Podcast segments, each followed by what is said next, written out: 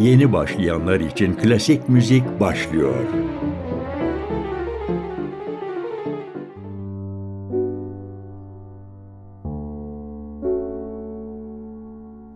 Merhaba sevgili dinleyiciler, sevgili dostlar ve Romalılar. Yeni başlayanlar için klasik müzik programına hoş geldiniz. Klasik Batı müziği lobi faaliyetlerimize başlamış bulunduk ve devam ediyoruz. Geçtiğimiz bölümde bilip bilmediğimizi henüz bilmediğimiz bir takım müzik eserleri olduğu konusunda bir takım iddialarda bulunmuştuk. Bu programda da bu iddianın üzerine biraz daha gideceğiz. Sevgili dinleyiciler, eğer zihninizde karanlık bir gecede Loş şatosunda tavana kadar uzanan bir kilise organu çalan vampir imgesi kolaylıkla canlanabiliyorsa, sıradaki eseri daha önce dinlediniz demektir. Vampir, büyük olasılıkla Bach'ın re minör tondaki toccata ve fügünü icra ediyordu. Toccata, İtalyanca kelime anlamı olarak dokunmak, ellemek anlamına geliyor. Müzikal açıdan da bir sonat biçimi. Füg de eski Yunanca'da kaçış demek. Müzikal anlamda da iki ya da ikiden fazla temaya dayalı kompozisyon anlamına geliyor. Müzikal temayı da bir bestenin melodik konusu olarak tanımlayabiliriz. Yani eserin üzerine kurulduğu ve kimi zaman çeşitlendirdiği melodik yapı. Bu eserde sinemacılar tarafından oldukça tercih edilmiş. 90'dan fazla sinema filminde film müziği olarak kullanılmış. Kimilerine göre dünyanın en büyük bestecisi olan Bach'ın bu eseri, tıpkı diğer eserlerinde genellikle olduğu gibi teknik anlamda oldukça zorlayıcı. Kesin olmamakla birlikte Bach'ın eseri 17 yaşında bestelemiş olması kuvvetle muhtemel deniyor. Şimdi organist Hannes Kastner'in yorumuyla Johann Sebastian Bach'ın Re minör Toccata ve Füg isimli eserini dinliyoruz.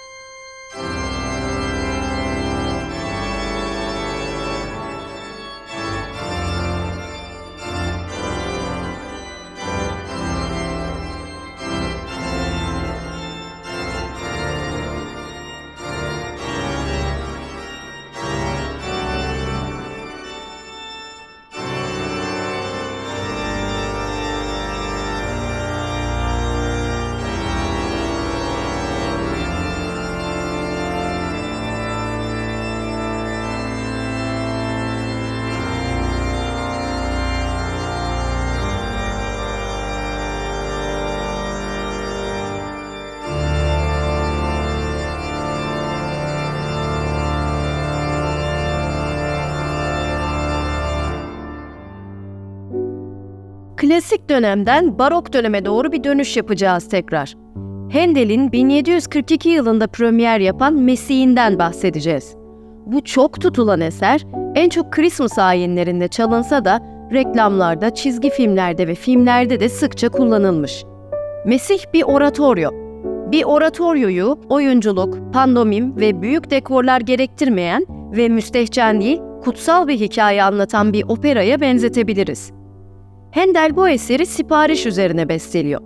Aydınlanma döneminin taraftarı gittikçe çoğalan rasyonalizm ve ateizm akımlarına karşı besteciden din elden gidiyor diye dini bir eser bestelemesi istenmiş ve neticesinde İsa'nın hayatını konu alan İngilizce sözlü Mesih oratoryosu ortaya çıkmış. Şimdi dinleyeceğimiz Haleluya korosunu tamamladığında besteci gözyaşlarına boğulmuş ve parça üzerinde çalışırken defaatle meleklerin kendisine göründüğünü iddia etmiş. Eserde sık sık geçen Haleluya nidası İbranice kökenli bir söz ve Tanrı'ya şükürler olsun anlamına geliyor. Mesih'in ilk Londra performansı 1742 Dublin galasından 7 ay sonra gerçekleşiyor ve bir skandala yol açıyor.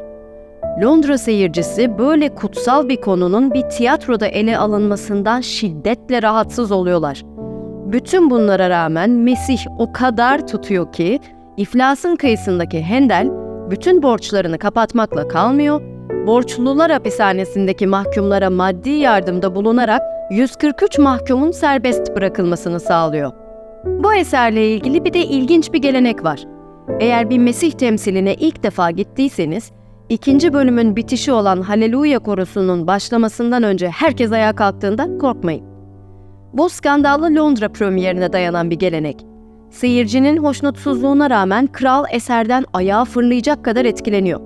Kral ayağa kalktığında mecburen herkes ayağa kalkıyor ve bu gelenek günümüze kadar geliyor. Şimdi George Friedrich Handel'in Mesih oratoryosundan Haleluya korusunu dinliyoruz. Londra Senfoni Orkestrası'nın seslendireceği eseri Sir Colin Davis yönetiyor.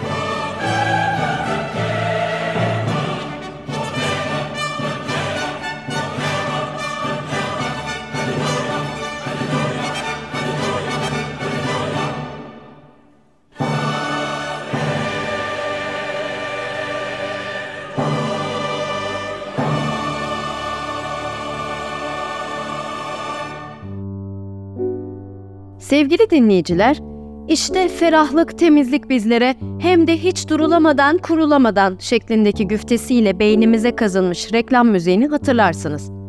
Bu reklam bir nesli Giuseppe Verdi ile tanıştırarak kutsal bir misyon yerine getirdi.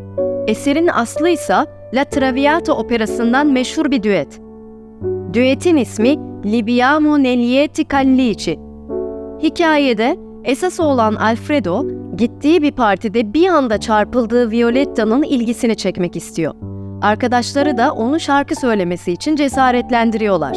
Alfredo bir brindisi söylemeye başlıyor. Daha sonra Brindisi'ye Violetta ve diğer konuklar da katılıyor. Brindisi, şarap veya diğer alkollü içeceklerin içilmesini teşvik eden neşeli ve eğlenceli şarkılara deniyor. Böylesine canlı ve mutlu başlayan bu eser gitgide bir felakete doğru yol alıyor. Finalinde sevdiği Alfredo'nun kollarında ölen Violetta sahnesi ormanda on kaplan gücünde.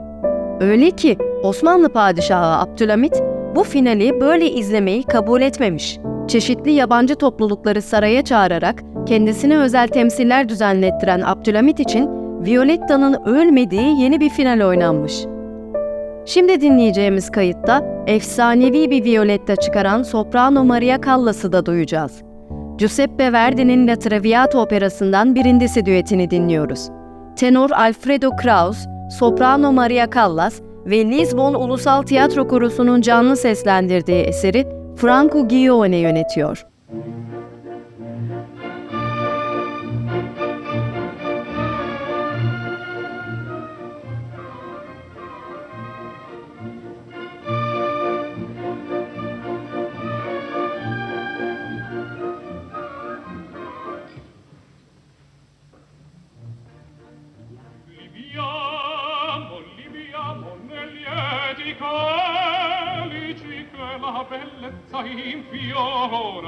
e là fuggevol fuggevol ora s'innebriamo lutta liviane talci fremiti che suscita l'amore e poi che quell'occhio al cuore onnipotente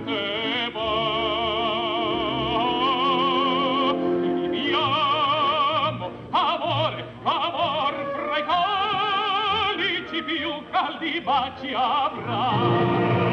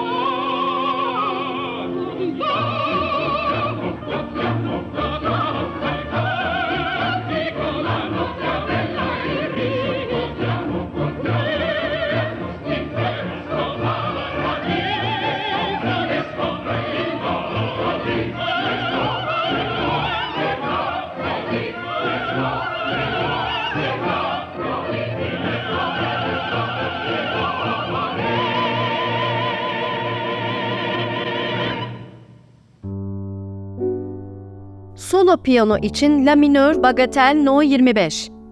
Bilinen adıyla Fürenize veya Türkçe söylenişiyle Elize için Alman besteci Ludwig van Beethoven'ın en popüler bestelerinden biri.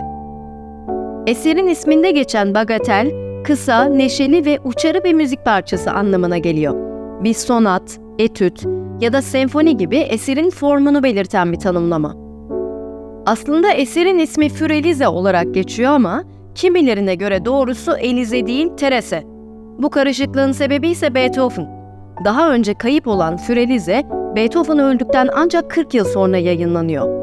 Münih'te bulunan eserin orijinal el yazmaları, Beethoven'ın el yazısı bir doktorunkinden belki biraz daha güzel olduğundan oldukça zor okunuyor ve bu yüzden eserin isminin Für Elize mi, Für Terese mi olduğu tartışmalı. Eserin açılış melodisi oldukça yaratıcı bir biçimde çeşitli şekillerde kullanılıyor. Müzik kutusu melodisi, ilköğretim okulu zil melodisi, kapı zili ya da şirket santrallerinin bekleme müziği olarak benimsenmiş olmasının yanında eserin her zevke uygun metal, tekno, dubstep gibi müzik türlerine ait ve gitar, cello, bas gitar, marimba, kromatik kalimba ve tabla coverları da mevcut. Fazıl Say ve Burhan Öçal'ın Paris'teki Şanzelize Tiyatrosu'nda keman sanatçısı Kopaçinskaya ile gerçekleştirdikleri eğlenceli performansın YouTube kaydını izlemeniz de şiddetle önerilir. Daha önce bestecinin 1812'ye kadar hala bazı konuşmaları ve müzikleri duyabildiğini ancak 44 yaşında tamamen sağır olduğunu söylemiştik. Bu Fürelize'nin bestelenmesinden 4 yıl sonraya denk geliyor. Beethoven'ın sağırlığı arttıkça besteleri gitgide tizleşmiş.